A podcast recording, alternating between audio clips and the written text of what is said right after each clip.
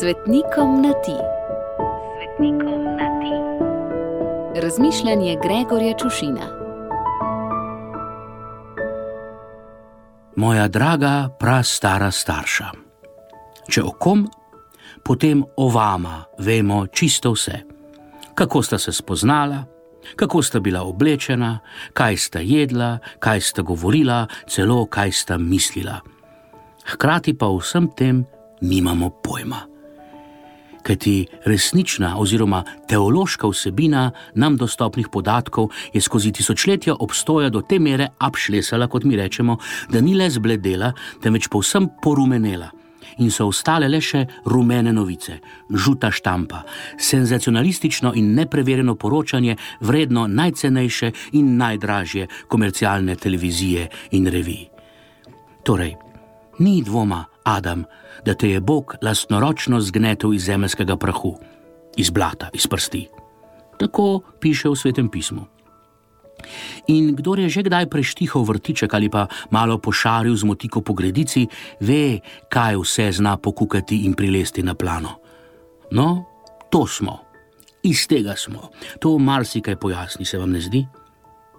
In potem ti je za družbo, za zabavo in za dvig natalitete iz rebra ustvaril še Evo. Iz tvojega rebra, seveda, ne iz svojega, da se nepoučeni ne bodo spotikali. Čeprav k nepoučenosti seveda spada tudi dejstvo, da ustrajno tajimo, da je bila Eva že druga žena. Ljubica, če hočete. Kajti, če gre verjeti našim starejšim bratom po veri, Judom, je Bog skupaj z Adamom iz tiste famozne kepe zemeljskega prahu ustvaril tudi žensko, Lilit, ki pa je Adamu iz nepojasnenih razlogov ušla in ga zapustila.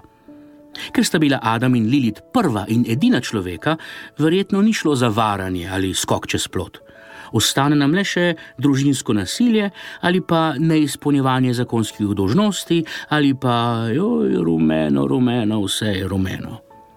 Pa vendar, si lahko predstavljate, kako drugače bi znalo teči naše življenje, ko bi prva dva zakonca znala malo bolj potrpeti eden z drugim.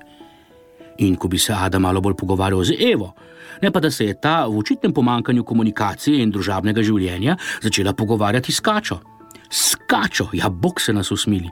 A si ni mogla umisliti kanarčka ali pa papigo, psa, morskega prašička, vietnamskega prašička, otročička morda. Može in žene, dajte no.